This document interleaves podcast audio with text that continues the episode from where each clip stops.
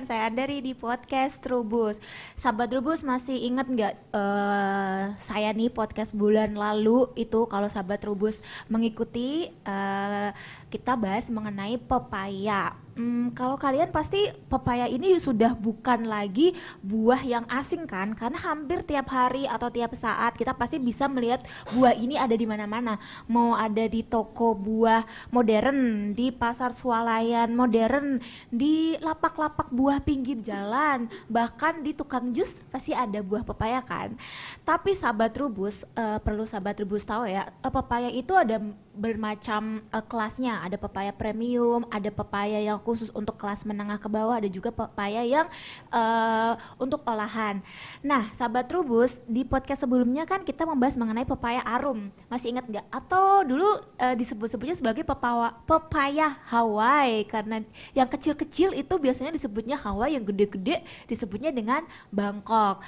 Kalau sebelumnya kita bahas mengenai arumnya itu lebih ke perkenalan aja ya tentang rasa, tentang bentuknya dan sedikit produksinya. Karena kan bahas tentang komo, suatu komoditas itu nggak cukup ya kalau cuman satu video yang durasinya satu jam, harus banyak. Nah ini buat tambahan informasi kalian mengenai pepaya arum.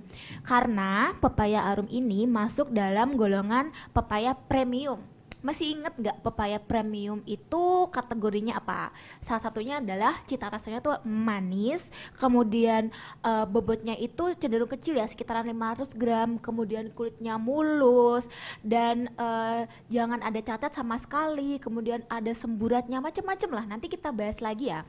Kalau kemarin lebih ke perkenalan, sekarang ini kita bahasnya lebih modern dan seperti biasa saya kedatangan Besti ya, Besti. Besti saya masih tetap uh, Pak Cipto. Pak Cipto apa kabar? Baik. Direktur Marketing PT Tunas Agro Persada. Kalau kemarin kan Pak Cipto sendirian, rasanya kayak kurang nampol ya Pak ya. Kalau Pak Cipto aja yang cerita ya nggak Pak? Iya. Iya. Betul banget. Betul banget. Makanya kita uh, mengundang siapa nih? Pak Ali Imron, pekebun pepaya di di Banyuwangi. Di Banyuwangi, jauh banget. Banyuwangi ke Depok. Makasih Pak. Sama-sama. Jauh nggak pasti? Jauh nggak Pak perjalanannya? Uh, kalau dibilang jauh, jauh sih, tapi enggak ini ya karena kita dibikin seneng aja ya, di santai ya. Uh. Iya, sebenarnya aku tuh ya nyiapin banyak list pertanyaan, tapi kayaknya kalau ketemu Pak Cipto itu ngobrolnya pasti di luar dari list. Jadi aku tutup aja nih daftar pertanyaan aku ya, sahabat Rubus. Kita ngobrol langsung ke Pak, boleh nggak ke lebih ke Pak Ali, Pak? Boleh nggak? Silahkan. Silahkan ya. Bagus ini. Oh, bagus ya. karena keseringan dengan Pak Cipto. Ya. Ini aku mau ke Pak Ali dulu. Pak Ali, uh, di depan ini kan ada pepaya. Ini pepaya dari kebun Pak Ali, bukan? Iya, dari kebun sendiri. Wah, jauh-jauh dari Banyuwangi dipetik kemudian dibawa ke sini. Iya. Pak Ali sudah lama berkebun pepaya? Lumayan lama sih kita berkebun pepaya mulai akhir 2017 sampai saat ini. Sekitaran lima tahun ya Pak ya? Ya sekitaran segitulah. Sekitar lima tahun dan itu waktu itu memang mengkhususkan diri, memproklamirkan diri udahlah daripada berkebun pepaya yang jenisnya lain ya dibanding dengan pekebun pepaya yang lainnya, udahlah pilih yang uh, arum aja nih karena kayaknya prospeknya bagus nih gitu. Dulu gimana ceritanya? Ya dulu itu di kebun kita kan ada tanaman semangka, melon dan pepaya arum melihat dari perkembangan pasar waktu itu uh, banyak yang nanam pepaya California. Di situ pada saat musim raya panen California harga itu jatuh, tapi di pepaya arum itu dia tetap stabil. Jadi pada saat harga di lahan itu sampai 500, pepaya arum ini tetap dia stabil di angka 3000, 4000 sampai 5000. Jadi jauh, Pak. Jauh sekali. Makanya kan uh, ini potensi yang bagus sekali menurut pengamatan saya waktu itu sebagai uh, apa ya petani semangka, melon uh, ini harganya kan cenderung stabil dari mulai 2018 sampai saat ini pun harga masih aman di tingkat 4.000 5.000 itu di lahan maksudnya. Serius, tadi Bapak bilang lima yang kalau papaya jenis lain 500, yeah. Bapak dapat harga jual arum ini 4.000, 3.000 sampai 5.000 itu. Jauh banget ya Pak ya. Jauh sekali. Soalnya gini, eh, kita juga tidak tahu ya. Eh, karena memang kualitasnya si buah pepaya ini kan beda jauh sama dengan pepaya-pepaya yang lainnya. Apa? Kayak ya kita tidak enak mau nyebut merek lain ya Nggak, pepaya. kita fokus ke dia aja. Ah, lah ya makanya. si primadona yang ada di depan aja. Diceritain Makanya. yang ini aja Pak, yang ini Ah, aja. betul, Bapak betul. me- Bapak melihatnya kayak gimana kenapa si Arum ini Bapak mau maunya berkebun eh, Arum waktu itu? Ceritakan keunggulannya aja. Kita singkirkan yang lain ya, Oh, Pak. iya. Kita lupakan ya. Yang salah satu yang dominan unggulnya itu di dirasanya, dia lebih manis. Terus aroma pepaya yang selama ini dirasa orang itu ndak enak ya. Kalau arum ini beda, makanya dinamakan arum karena aromanya harum itu, bukan aroma pepaya yang kayak itulah. Langu-langu ya, orang itu. Jawa ah. ya. Orang kan apa ya? Mau makan ah pepaya kayak gitu. Bau. Tapi setelah makan arum, loh kok beda, kok enak, kok manis. Itu salah satu yang pertama. Terus harga di pasaran itu cenderung apa ya stabil dia tidak akan berubah sebenarnya kan konsumen itu cari yang manis yang paling utama sih dulu kalau mau merasakan sesuatu oh ini manis kalau manis dia pasti akan beli lagi cuman kalau yang yang lainnya kan eh, untuk ukuran rasa brick itu masih di bawahnya arum jauh Mau 15 derajat ya Pak Cipto ya kalau Hmm. nggak 12% break. 12 Derajat brick ya. Ya, 15 yang lainnya itu rata-rata di kisaran angka 9 10 Tapi Pak, eh, waktu itu bagaimana cara Bapak? Itu kan waktu itu baru ya Pak ya, eh, Arum ini. Hmm. Tapi waktu itu apakah orang itu biasanya kalau barang baru kan orang ragu nih.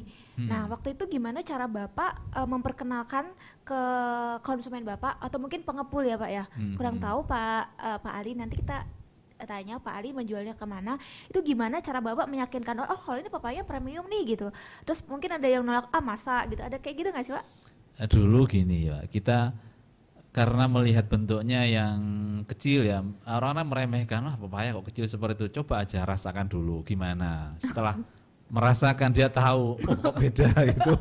Kalau memang pertama harus kita kenalkan dulu. Kalau nggak kita kenalkan memang sulit untuk apa ya eh, oh ini loh pepaya premium ini enak. Seperti itu kan sulit. Coba aja pecah dulu. Kita dulu memang apa ya eh, untuk yang konsumen-konsumen baru kita kasih dulu, kasih barang dulu, kita suruh nyoba dulu. Tapi kalau sudah yang lama, eh, dulu waktu di kebun kan pasar sudah ada sebenarnya di Jakarta. oke Mm-mm. jadi Itu sebelum saya sebenarnya, sebelum saya kebun itu sudah produksi pepaya Hawaii, pepaya rum ini. eh, cuman produksinya kan kurang maksimal. Nggak tahu dulu eh, eh, yang rawat kurang gimana kita juga nggak tahu. Terus saya melanjutkan, saya di situ kan menangani melon sama semangka. Di situ ada kebun pepaya harum ini yang perawatannya biasalah, jadi produksinya kurang maksimal, tetap ada kiriman dari Jakarta. Mungkin volume kirimannya nggak begitu besar, jadi ya perawatannya nggak begitu intensif ya. Iya. Setelah jalan beberapa lama, saya kan resign dari kebun karena aktivitas saya di lapangan untuk eh, melon sama semangka semakin tinggi, saya resign. Setelah beberapa hari atau beberapa minggu itu ya, eh, berapa bulan, kebun itu tutup. Entah, enggak tahu kita masalahnya apa, kita kan juga nggak tahu. Nah, terus yang di Jakarta itu menghubungi saya, biasanya kan yang nangani market kan juga saya di kebun. PO semua kan masuk ke kita. Jadi mereka masuk ke saya, saya bilangin coba hubungi kebun. Ternyata kebun kan tutup. Yang di Jakarta kebunnya sudah tutup pak. Saya minta tolong Pak Ali untuk gimana lah caranya supaya untuk produksi lagi si tanaman pepaya ini. Soalnya kan sudah mulai kenal yang di Jakarta. Setelah itu baru Tanam. saya tanam, saya hubungi Pak Cipto untuk benihnya. itu. Saya tanam. Jadi yang ada di kepala waktu itu nama Pak Cipta ya Pak ya? Iya, Pak Cipto kan yang punya benih Pak Cipto. Oh iya. Untung udah eh, inget nama Pak Cipta terus. Eh, setelah itu kan pertama kali nanam kita nanam luasan setengah bau, setengah hektar itu ada sekitar 500 tanaman. Kita coba tanam, ternyata permintaannya semakin hari semakin tinggi. Iya. Terus kita nambah kebun, eh, untuk saya sendiri hampir ada tiga hektar tanaman sendiri karena masih belum mencukupi kebutuhan market. Saya kembangkan dengan mitra dengan beberapa petani. tiga hektar itu masih belum mencukupi kebutuhan. Belum. Memang berapa Pak kebutuhan yang pasar yang Bapak terima gitu? Untuk saat ini per tiga hari itu 5 sampai 7 ton. Mintanya. Iya, mintanya. Tapi Bapak bisanya Masih masih tadi malam kirim kita tiga ton. Tadi malam kita proses sih sebenarnya. Dari kemarin kita proses sampai dua tiga hari sekali kita proses untuk kiriman ke Jakarta, ke Bali sama ke Surabaya. berarti masih ada kalau. 7 4 ton yang kosong ya Pak Iya. Cipto ya dan Pak Ali. Iya. Wah dan itu itu kayak ini ya Pak ya kayak peluang pasar banget dong Pak Cipto itu gimana? Sedangkan yang nanam pepaya arum sekarang kondisinya gimana di pasar Eh, masih apa jumlahnya ya? Maksudnya di kebun Eh, jumlah pekebunnya apakah masih stuck nih Mbak Eh, karena lahannya masih eh, kurang atau malah sekarang sudah mulai eh, banyak eh, pengembangan di beberapa daerah gitu Pak? Ya.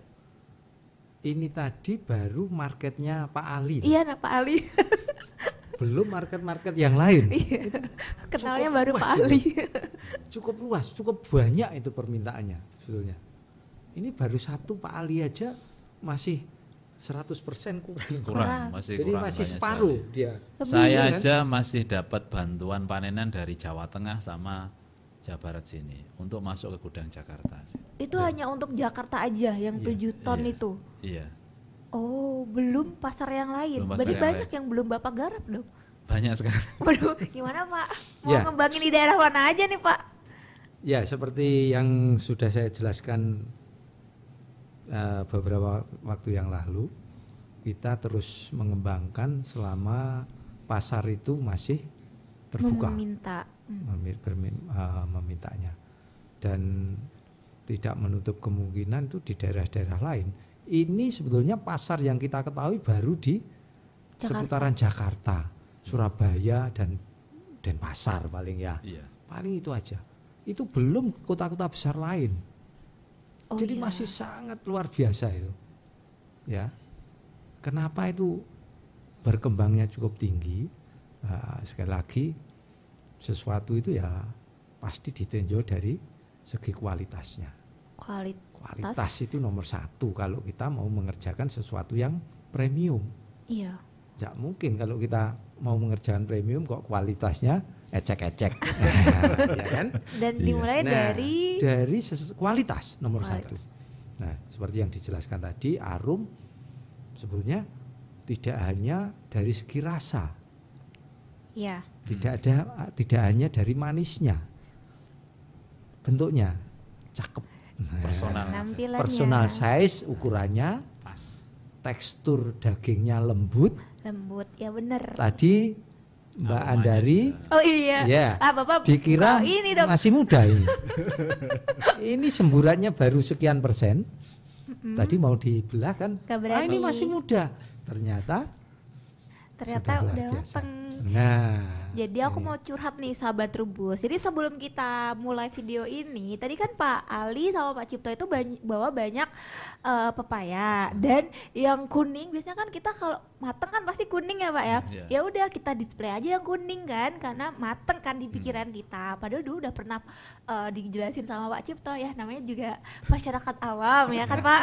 Terus ada tuh nih nih yang di yang di apa? Yang diiris apa namanya? bulat ini yang Melintang. diiring melintang ya Iya. melintang itu tuh kulitnya masih hijau terus kita bingung ini dibuka nggak ya kan masih hijau gitu kan takutnya pisaunya nggak nggak nembus kan. Nanti kalau udah dipotong jadi jelek dong potongannya kan. Terus Pak Cipto bilang ini tuh udah mateng. Masa sih Pak? Gitu kan. Wah kamu ngeyel gitu katanya.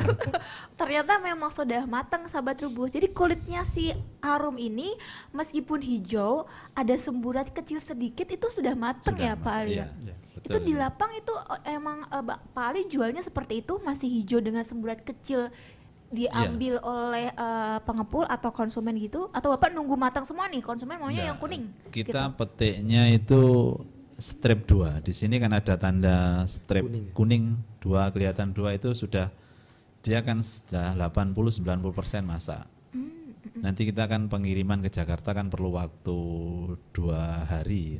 Jadi nyampe Jakarta ada yang siap makan, ada siap yang display. Jadi masih ada jeda waktu untuk jualan. Ada yang langsung biasanya kan nggak langsung laku semua sih.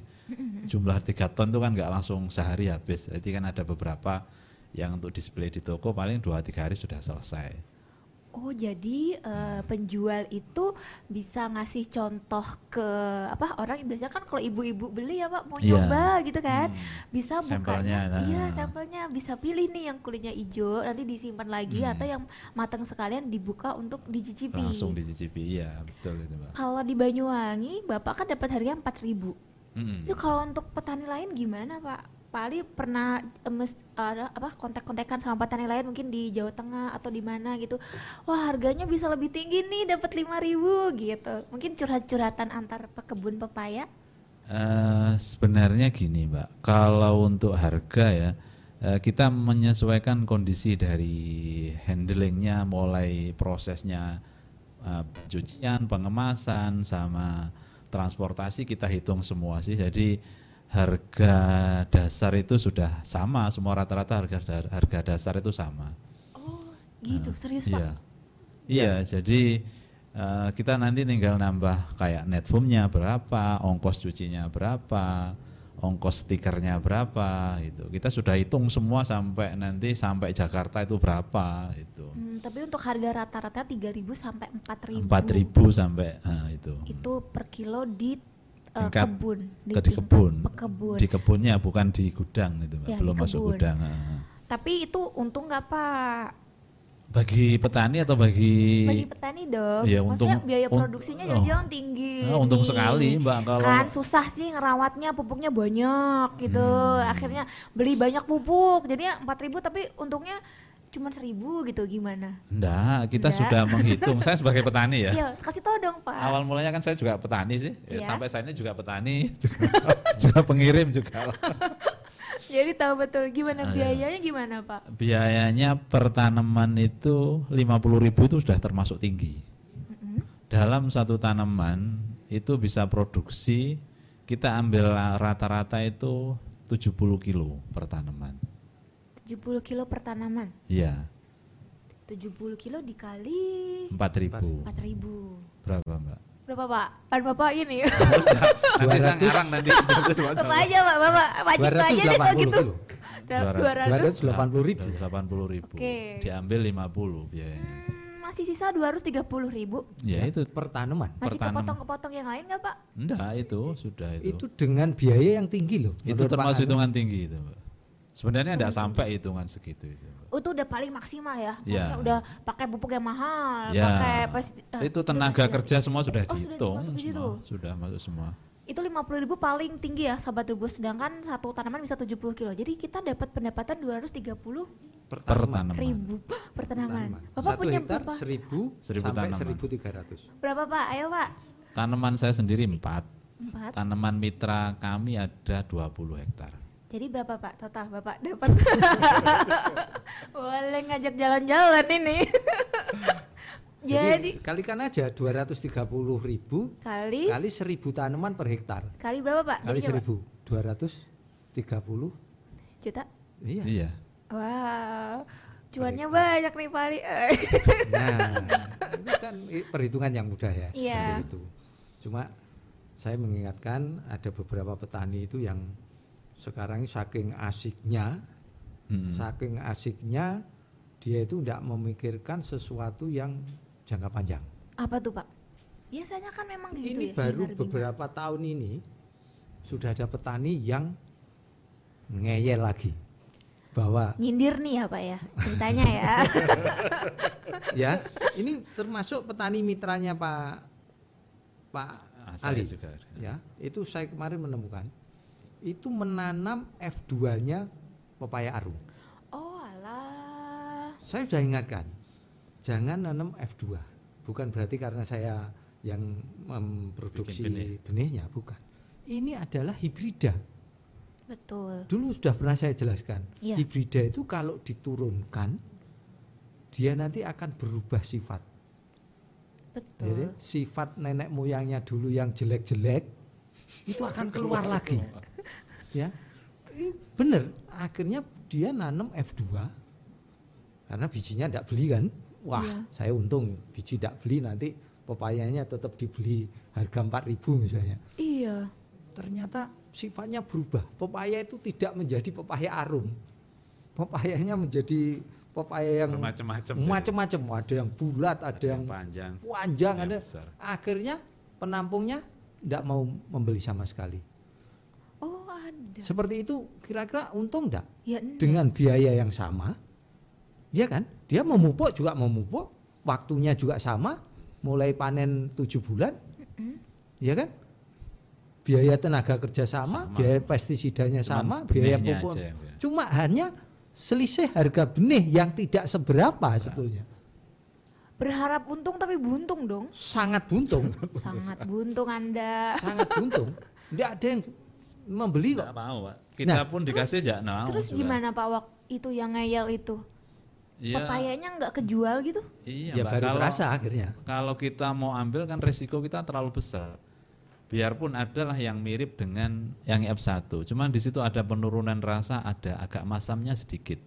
Yang mirip ada buahnya beberapa yang mirip F1 itu ada memang. Cuman rasanya itu ada asamnya dikit sama warna dagingnya ini enggak semerah ini, agak keorenyan. Oh gitu. Hmm, Jadi ada berapa F2-nya. persen yang ngeyel tuh Pak? Ya baru Di sedikit sih. Soalnya akhirnya gini, kita Mbak. selalu melakukan edukasi akhirnya. Gimana Pak Ali gimana? gitu. Soalnya gini, petani itu kan melihat pepaya yang lainnya itu metik dari pohon, dibelah, diambil bijinya yang tengah ditanam lagi masih bagus. Sedangkan pepaya itu kan bukan pepaya F1. Kalau yang ini kan memang pepaya hibrid murni. Jadi Iya. Kalau ditanam F2-nya pasti berubah total itu. Oh oke. Hmm. Nah itu edukasinya harus lebih sering dong Pak. Nanti kalau yang ngeyel itu kayak biasanya kan ngeyel itu banyak nular cepet ya Pak ya? Iya, Kengeyelan itu biasanya Iya. nularnya lebih cepet. iya. Gimana tuh eh, cara eh, Pak Cipto dan tim biar petani itu ikutin rulesnya, SOP-nya biar pendapatan atau uang yang diperoleh pun tinggi sama seperti Pak 230 juta ya Pak. Nah, sama seperti Pak Ali. Ya. Jadi Tunas Agro itu selalu melakukan pendampingan. Itu tidak hanya lewat petani langsung, tapi juga lewat penampung misalnya. Oh penampung juga dikasih tahu Iya. Iya. se sepenting itu. Iya, Kenapa tuh Karena Pak? yang berhubungan langsung dengan petani kadang-kadang ya penampungnya. Tiap hari yang menerima Hmm. barangnya penampung juga. Oh, oke. Selain kita melakukan edukasi langsung ke petani, Hmm? ya kan, eh, di samping penggunaan benih yang benar, cara tanamnya juga harus benar, supaya mendapatkan produk yang Sesuai berkualitas maksimal, gitu loh. Oh. Jadi oke. semua lewat toko-toko kita sampai ke media sosial pun kita lakukan edukasi. Hmm, biasanya kan eh, penyuluhan itu kan cukup di tingkat petani, tapi ini juga penyuluhan atau eduka- edukasi itu mengenai pepaya arum atau pepaya premium itu juga ke pengepulnya. Iya. Duh, pengepulnya pinter dong sekarang. Nah, Saya pun juga seperti itu ke petani mitra. Kan banyak yang tanya, "Mas, benihnya kok mahal?" Mahal karena memang ini F1 dengan pepaya-pepaya yang lainnya yang memang bukan F1. Jadi kalau sampean nanti nanamnya bukan dari F1, saya pun tidak mau ambil. Terserah sampean mau boleh nanam F2-nya, tapi s- jual ke mana? Saya saya saya sendiri tidak mau ambil. Saya bilang gitu ke petani mitra itu. Kasihan dong, Pak. Ya makanya kan saya kasih tahu jangan sampai nanam yang turunannya. Kalau nanti turunannya saya saya. jangan Rugi disamakan dengan pepaya yang lainnya gitu loh. Rugi dong kalau kayak gitu. Jadi kadang harus hati-hati. itu Mbak Andari, pemikirannya petani itu kadang sempit. Kad- Kadang loh ya, bukan semua petani. Yang ini benihnya enggak, mahal. Pak. Ini tadi. Hmm. Dia bilang petani saya ada yang bilang benihnya kok mahal. Ayo hitung-hitungan. Ayo, Biaya ayo, ayo, produksinya tadi berapa? ayo. 50 ribu. Biaya produksi 50.000 ribu. Ya. Satu biji pepaya, Pepaya. F1 ini berapa? Paling-paling maksimal 1000. Ah, enggak, enggak Maksimal seribu itu. Enggak sampai seribu. Berarti seperlima puluhnya harga benih itu. Seper Dari 50. bi- seperlima puluh dari biaya produksi 0,0 berapa? Sekian. Kan kecil sekali sebetulnya. Itulah kalau benihnya tidak benar padahal biaya produksinya sudah tinggi, Sama. bunuh diri. Iya, aduh. Sudah tujuh Hara kiri, bulan. hara kiri. Sudah itu. Bunuh diri. Biaya yang jelas itu waktunya. Kita mau mengulang sudah Waktu sudah tujuh bulan. tujuh bulan sudah berlangsung ini. Oh iya kak. Iya kan? Iya. Panen kan mulai tujuh bulan. Mulai petik. Diketahui, waduh, enggak ada yang mau beli. Rugi Pedih. enggak? Arah kiri. Oh. Nah, biaya yang kita keluarkan dalam waktu tujuh bulan sudah berapa?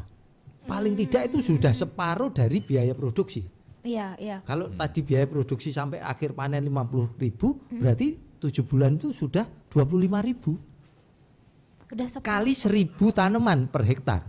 25 juta sudah kita keluarkan. Tidak ada yang beli gimana? Ya rugi. Hanya dia mau mengirit biaya Benih. benih. Hmm, makanya jadi harus hati-hati banget nih eh, pakai benihnya Iya. jangan Ya, sampai malah pakai buntung. benih yang berkualitas lah. Ya. Benih yang berkualitas. Pak, beli benih arum produksi Tunas Agro. Kalau misalnya sahabat Rubus pengen mendapatkan pepaya kelas premium, ya Pak. betul. Nah, Pak, eh, berarti kan Pak Ali juga kan menampung kan? Iya. Menampung. Ini pengepulnya sadis ya. Kalau apa? Kalau nggak sesuai nggak diterima ya Pak? Iya, soalnya kita kan jaga market juga. Pada saat kita memberikan yang nggak sesuai, nama kita kan juga hancur. Nanti kita nggak bisa jualan lagi. cuma. Tuh hati-hati. ya. Jadi eh, menjaga market, menjaga kualitas, Kualitas, komoditas tuh penting ya Pak ya. Ah, penting Jangan sekali, Mbak. Jangan salah nih Pak Ali lama-lama udah jadi sau- saudagar pepaya atau ya saudagar ya petani. oh iya sudah kan ya Pak Jangan salah loh. Pak Ali sekarang sudah punya ini apa ya? Sudah mendirikan PT atau CV?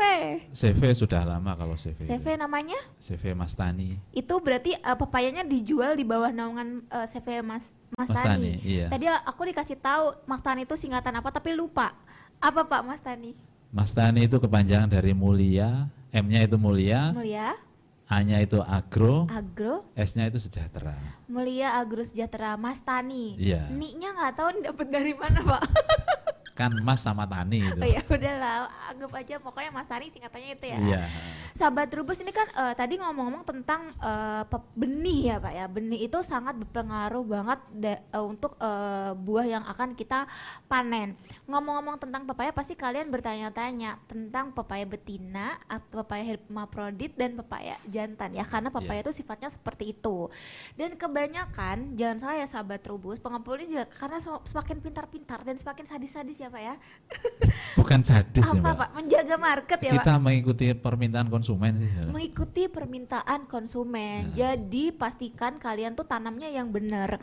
Tapi jangan khawatir, Pak. Benar nggak sih Pak kalau di eh, di tingkat pasar itu ya Pak ya, Hmm. pepaya betina itu mm, nggak diterima. Eh, untuk varietas yang lain selain arum memang betul itu untuk varietas yang lain itu betina memang tidak diambil sama pengepul. Dia mintanya kan yang hemaprodit yang banci yang panjang itu. yang betina-betina memang nggak diambil, Mbak. Karena mungkin bentuknya juga kurang menarik, terus rasanya pun juga karena bukan arum ya, rasanya mungkin karena kurang. Tapi kalau untuk arum, si betina tetap kita ambil, kita bisa jual. Tapi dengan ada pembeda harga memang, karena rata-rata mereka mintanya kan yang hemaprodit semua sih. Nah, ben- pasti yang belum pernah lihat Oh, kalau lihat tanaman pepaya sih semua orang pasti sudah lihat, Hmm. tapi pasti nggak ngeh pepaya bentuknya seperti apa yang diinginkan oleh eh, Pak Ali ya Pak ya, karena Iya. kan Pak Ali menampung hasil panen dari petani mitra. Hmm. Ini kita ada fotonya, foto tanaman pepaya nanti ditampilkan biar sahabat Rubus tahu. Tadi kan Pak Ali menceritakan mengenai pepaya hermaprodit kan itu pepaya Iya. ban- Banci. banci tapi malah diterima ya Pak kalau Iya. pepaya. Karena bentuknya yang manis. ya, bentuknya itu Bahaya itu. Bahasanya orang-orang banci. Iya kan bener nggak bener Pak Cipta kayak gitu. kan dua kelamin itu. dua kelamin. Iya, sebentar ya. eh, ini lagi disiapin dulu fotonya. Ini kalau ini masuknya pepaya apa nih Pak? Hemaprodit. Banci. Hemaprodit. Ini pepaya hermaprodit. Hermaprodit, ya. Bentuknya agak lonjong. Agak Agak oval. Oval Iya. itu adalah bentuk yang disukai oleh pas- Konsumen. konsumen Nah, oleh pasar. pasar, iya. Seperti yang ada di depan ini. Ini Iya. adalah di Iya. depan kita itu adalah pepaya hermaprodit. Iya. Oke. Kemudian ada lagi nih, kamu mau ngasih tahu pepaya betina itu bentuknya seperti apa? Bisa di next uh, fotonya. Kita tunggu ya, Pak. Jadi kita punya banyak dokumentasi yang bisa kita bagi ke sahabat Rubus tentang dunia per perpepayaan. Pak, jadi enak jadi pekebun pepaya atau pekebun buah lain? Tadi dulu sambil dijawab. Jawab dulu, Pak. Eh, sama-sama enaknya, cuman kalau untuk eh, nyaman, lebih nyaman pepaya sebenarnya. Wah, semua berawal dari nyaman ya, Pak. Iya. Mana tadi tadi gambarnya hilang. Ya saya Jadi, jelaskan aja. oke. Yang jelas pepaya itu pasti keluar tiga, ya. Satu pepaya jantan itu hanya keluar bunga jantan, Mm. ya. Pepaya betina itu kalau arum ini jadi bulat. Hampir Bulat. semua tanaman pepaya menjadi bulat, benar-benar bulat. Kalau yang hermafrodit itu oval.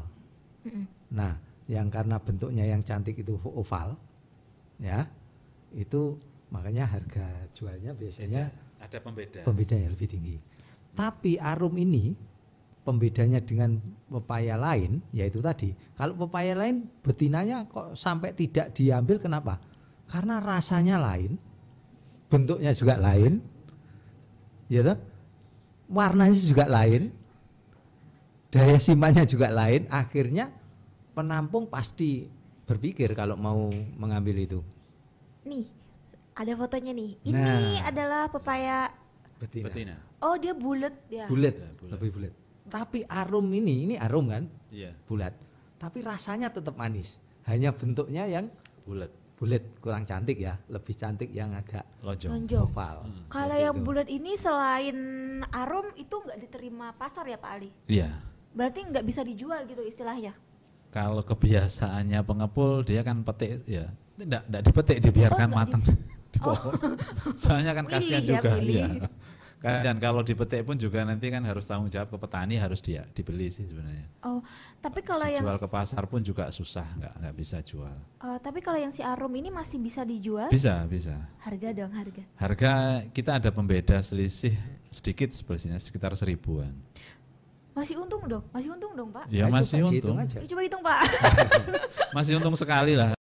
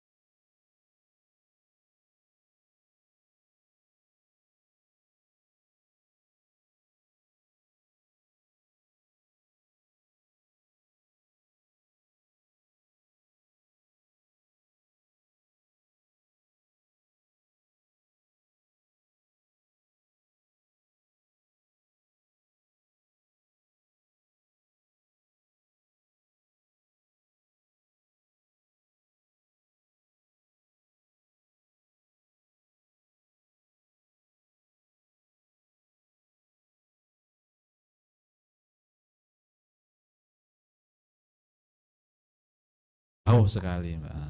Makanya kayak pepaya yang lain itu biasanya orang-orang kan tanamnya dua-dua. Dia untuk menghindari si betina. Kalau sudah tiga bulan kelihatan bunga itu dia betina dibabat biasanya. Tapi kalau arum kan enggak. Arum kan Gimana Pak? Jadi kalau 2-3 bulan keluar betina mm, dibabat. dibabat. Untuk pepaya selain arum lah. Oke. Hmm. Karena itu percuma Iya, dipertahankan. nanti soal dipertahankan pun juga nggak diambil sama pembelinya gitu loh.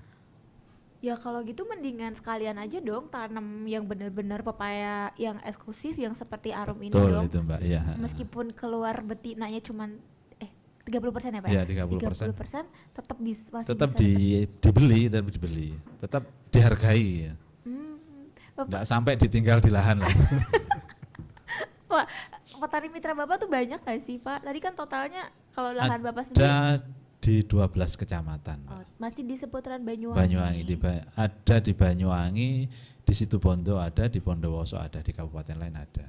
Tapi Pak, kalau Banyuwangi itu kan emang kan terkenalnya kayak sumber buah-buahan ya kalau Hmm. tidak salah. Iya. Karena tanahnya kan memang kayaknya subur ya Pak kalau Banyuwangi. Iya. Ini ya, sok tahu aja sih Pak ceritanya. Bener nggak Pak? Betul, Mbak. Bener ya. Nah, Nah jangan-jangan Bapak kebantu karena Banyuwangi tanahnya subur jadi pepayanya bagus. Kalau ada di tempat lain? kita ada tanaman di Bondowoso ada, di situ Bondo ada. Saya pun juga dapat kiriman dari Jawa Tengah ada. Dari Kuningan juga ada saya kiriman. Kuningan Jawa Barat. Iya.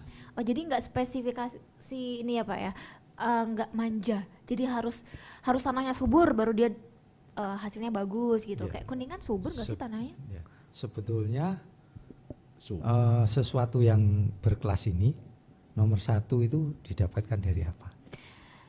Dari genetiknya, Iya bener. benar kan? Iya. Kalau genetiknya Pak Ali ini sudah genetik Gede. gede, dia sudah gede, Pak Cipta yang bilang Iya Pak, kan? saya mau dikasih mendorong. perawatan, makanan yang istimewa, Oh tambah gede.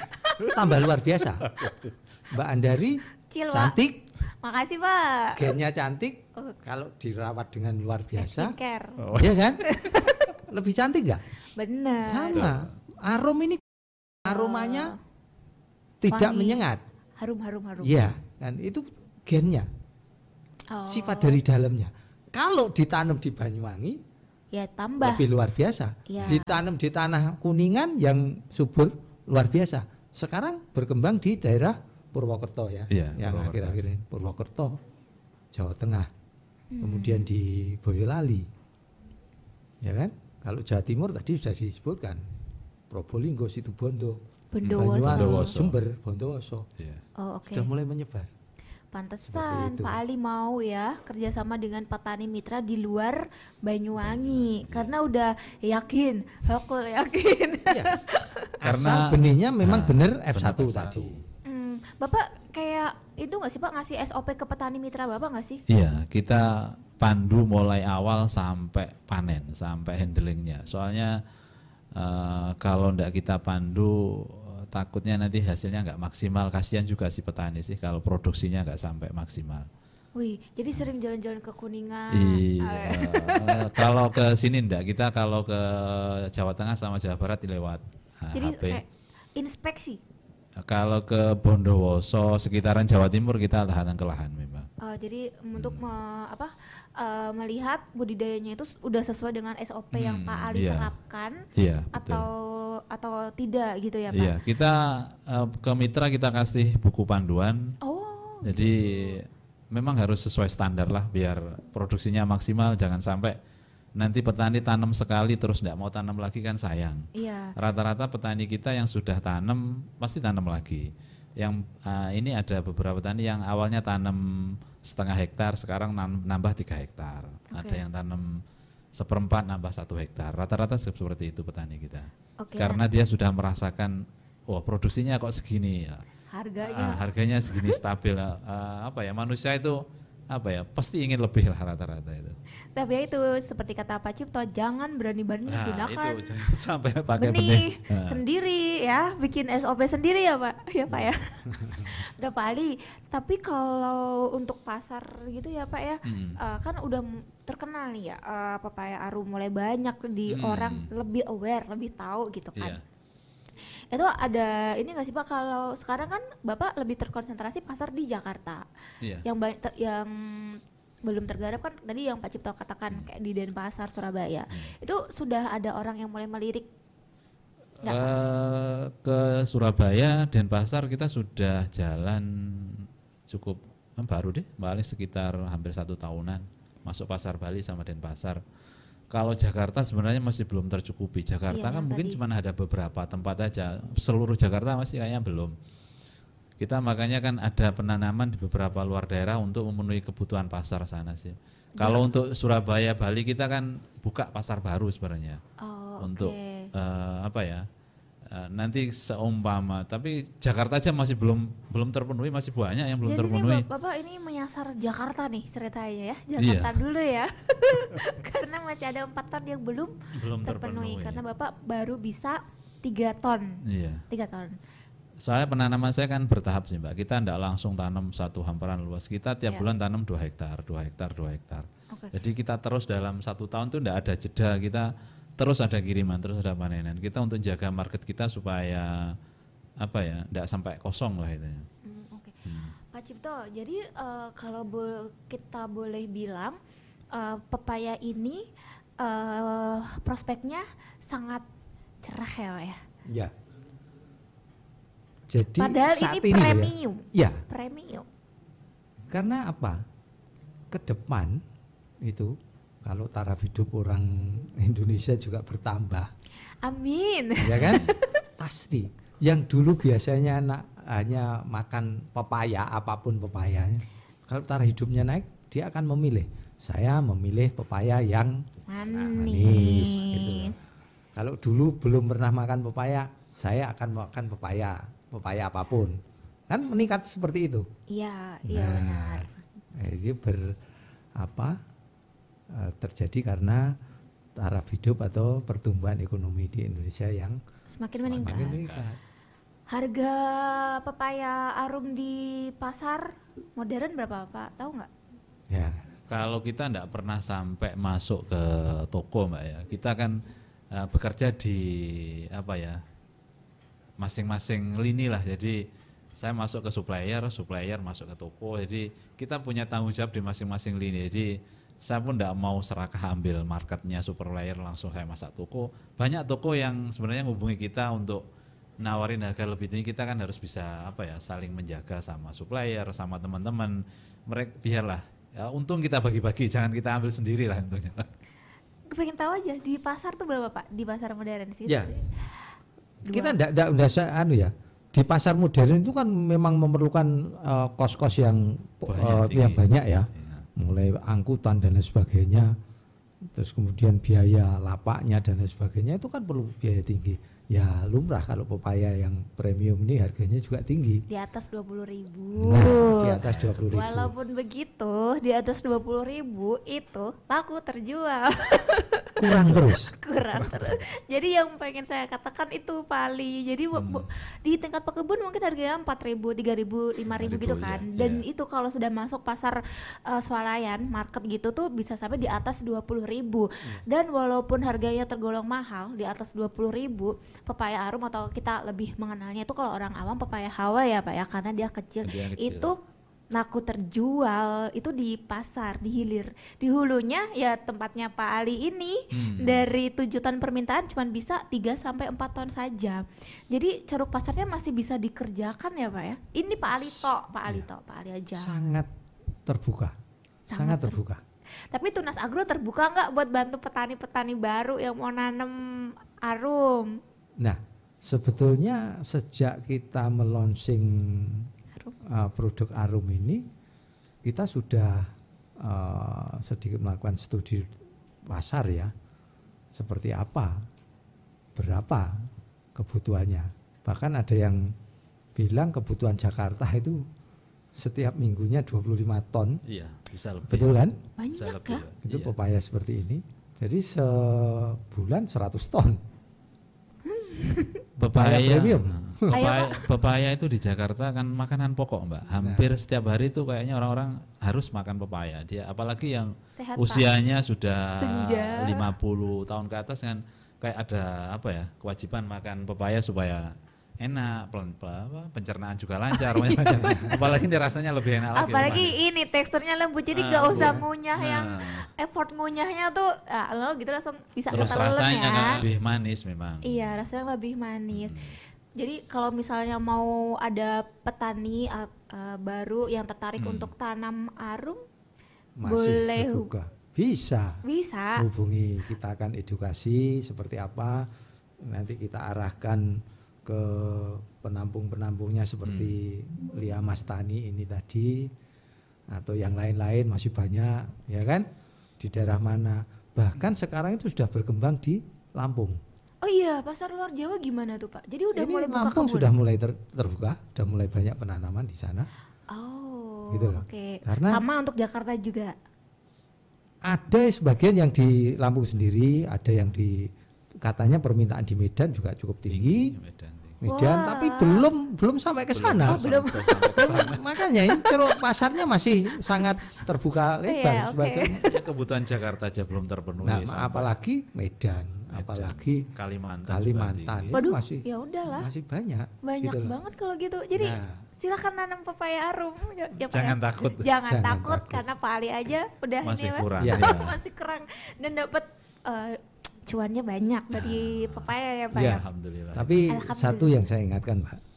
Eh, satu bagi petani yang menanam pepaya seperti ini, permintaan pasar yang diminta seperti penampung tadi, konsumen itu menghendaki pepaya ini dijaga kualitasnya. Betul. Untuk me- mendapatkan kualitas yang terbaik, eh, selain benihnya itu benar-benar F1 dari pepaya arum ini tadi dari produksi tunas agro, dua perawatannya juga harus jangan disepelekan. Karena ada petani yang eh, saking menggebu-gebunya menanam pepaya, dia bisa beli benihnya pepaya arum, dikira nanam pepaya arum itu seperti nanam pepaya di pekarangan yang seperti biasa, tanpa perawatan, Oh, oke. tanpa pemupukan, tanpa pengairan, tanpa eh, apa penyemprotan nama pestisidanya dan lain sebagainya. Itu nantinya akan mengakibatkan produk yang dihasilkan tidak sesuai dengan Permintaan. harapan. Ini adalah orang ngeyel tipe B. Ya, Ya, kalau tadi pakai benih benih eh, turunannya apa nanam F2-nya. terus benihnya dipakai F2-nya tuh ngeyel tipe A. Ya. Ini ngeyel tipe B, benihnya udah bener tapi nggak ngerawat. ya. Ya, eh, pupuknya sembarangan, kemudian tanamnya juga sembarangan kayak nanam. Ya itu bukan premium dong nanti jatuhnya Makanya ya. tadi sudah dihitung untuk menghasilkan pepaya premium ini dengan kualitas bagus, biaya produksi sudah diceritakan. Optimal. Optimalnya seberapa? Ya. Kalau bisa menghasilkan pepaya yang premium, keuntungannya seberapa? Sudah, Sudah- jelas sudah banget. jelas. Udah jelas banget. Kenapa kita? Ya itu loh, kadang-kadang, aduh, enggak saya rawat aja, keuntungan saya mesti lebih tinggi. Coba-coba, Pak. gitu. Nah, Penasaran. tapi akhirnya buntung dan buntung. Untung dan untung. Iya, gitu. Karena sudah jelas banget ya eh, sahabat Rubus pasar atau pengepul itu mintanya seperti apa itu sudah Pak Ali jelaskan ya dan Pak Ali nggak menerima kalau eh, apa benih apa pepayanya itu nggak sesuai dengan standarnya. Kalau se- sesuai standarnya Pak Ali bisa membeli sesuai dengan standar harga arum ya Pak Iya. Cipto ya gitu. Dan seperti Pak Cipto bilang benih dan perawatan itu adalah dua hal penting kita mendapatkan pepaya premium, pepaya arum premium seperti yang ada di depan kita. Pak Cipto dan Pak Ali, saya punya oleh-oleh nih. Ah, Jadi sebenarnya sahabat Trubus, eh, pepaya arum itu diulas dengan sangat detil, mulai dari apa eh, penanamannya, kemudian ada juga eh, dibahas mengenai gimana cara kita panen sepanjang tahun dan juga dibahas mengenai syarat ya, syarat pepaya masuk pasar itu seperti apa itu dibahas di edisi September 2022 majalah Trubus. Pengen tahu nggak kayak gimana? Nih ya, bentar dulu nih, ambil dulu. Ini. Penasaran nggak? Apa kayak musik dong, pakai musik. Nah, tara, ini adalah cover eh, majalah Trubus edisi September. Ini depannya adalah si Pepaya. Pepaya Arum. Pepaya Arum. Ini siapa sih Pak modelnya? Dari tim Tenas Agro ya. Ya, model Mbak Arum. Ini cover depan. Sebelah sana itu adalah cover belakangnya ya, cover majalah Trubus ya. Ini sahabat Trubus bisa eh, dapatkan majalahnya di toko toko-toko buku atau kunjungi website majalah Trubus. Tapi kalau untuk benihnya silahkan ke Tunas Agro. Di website Tunas Agro ada ya, Pak Ada. ya? Kalau mau beli silahkan di websitenya atau DM Tunas Agro di Instagramnya gitu atau atau benihnya sudah tersedia di toko-toko pertanian Sebagian sudah ada. Ya, benihnya sudah ada di toko-toko pertanian. Jadi sahabat Trubus tinggal datang aja. Kalau Tunas Agro tuh punya tim yang gercep gitu nggak sih Pak? Kalau ada yang DM, Mas saya mau beli gitu. Oh pasti Kita langsung. beli. ada eh, petugas seperti itu. Uh-uh. Eh, digital marketing juga ada. Kemudian yang kanvasnya juga ada, yang Ah. keliling seluruh pelosok-pelosok juga ada. Kita juga ada tim pendampingan yang namanya agronomis. Agronomis. Iya, itu jadi tenaga-tenaga eh, terdidik lapangan, dari kami tenaga di untuk mendampingi petani-petani yang menanam produk-produk dari benih tunas agro. Iya, jadi jangan khawatir. Dan ini kami berikan untuk Pak Cipto Tara. Aku nggak ada musiknya kasih. nih, saya kasih musik teng teng teng teng. ini ya, sahabat Trubus. Yeay. Untuk Pak Cipto ya Pak. Pak. Iya, enggak apa-apa. Nih Pak Ari, aku kasihnya ucapan terima kasih Sama-sama. sekali. Gak apa-apa ya Pak, cuma Nggak ucapan terima kasih. udah dikasih pepaya, udah jauh-jauh dari Banyuwangi, tapi cuma dikasih terima kasih, nggak apa-apa ya Pak kan dari hati. Iya. Kalau kita niatnya tulus ikhlas, yang di atas yang balas Oh, nanti. ya. Pak Ali eh, kita closing ya karena sudah mau di penghujung acara eh, kasih ini dong semangat buat eh, apa pekebun pepaya sesama pekebun pepaya biar nggak apa ya nggak galau nih pepayanya nih ternyata nggak sesuai harapan atau pepayanya nih mau dijual ke mana bisa dikasih semangat ke pepaya eh teman-teman pekebun Bisa. pepaya Mari teman-teman eh, petani pepaya, kalau mau apa ya produksi pepaya pakailah benih arum, benih yang bagus, yang F1. Soalnya kalau benihnya bukan dari F1, kita mungkin tidak bisa apa bantu jual. Jangan takut kalau benihnya pakai pepaya baik arum, kita pasti ambil buahnya. Oke, eh ada satu lagi yang ketinggalan pesan sponsor ya buat sahabat Trubus yang sering baca majalah Trubus, ngikutin YouTube-nya atau Instagramnya dan tertarik untuk eh, mengetahui lebih dalam papaya arum ini kita ada pelatihannya nih Pak Cipto dan Pak Ali.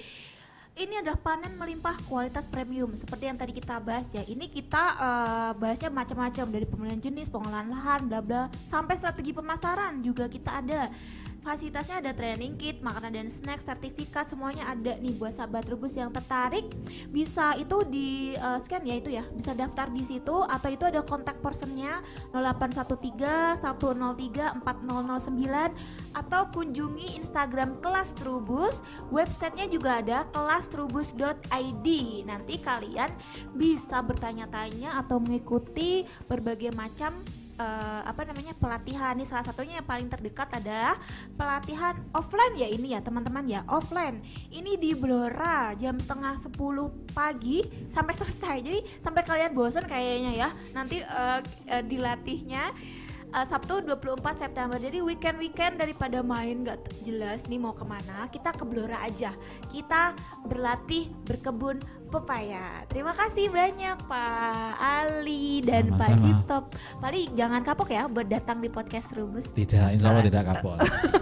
Insya Allah tidak kapok. Karena kan Pak Ali banyak komoditasnya ya punya melon juga kan? Iya, punya semangka punya. Oh, Kita produksi semangka sama melon juga. CV Mas Tani dan Iya. kita nanti akan eh, ngobrol lagi dengan Pak Cipto karena Tunas Agro itu bukan cuman punya pepaya, punya banyak produknya.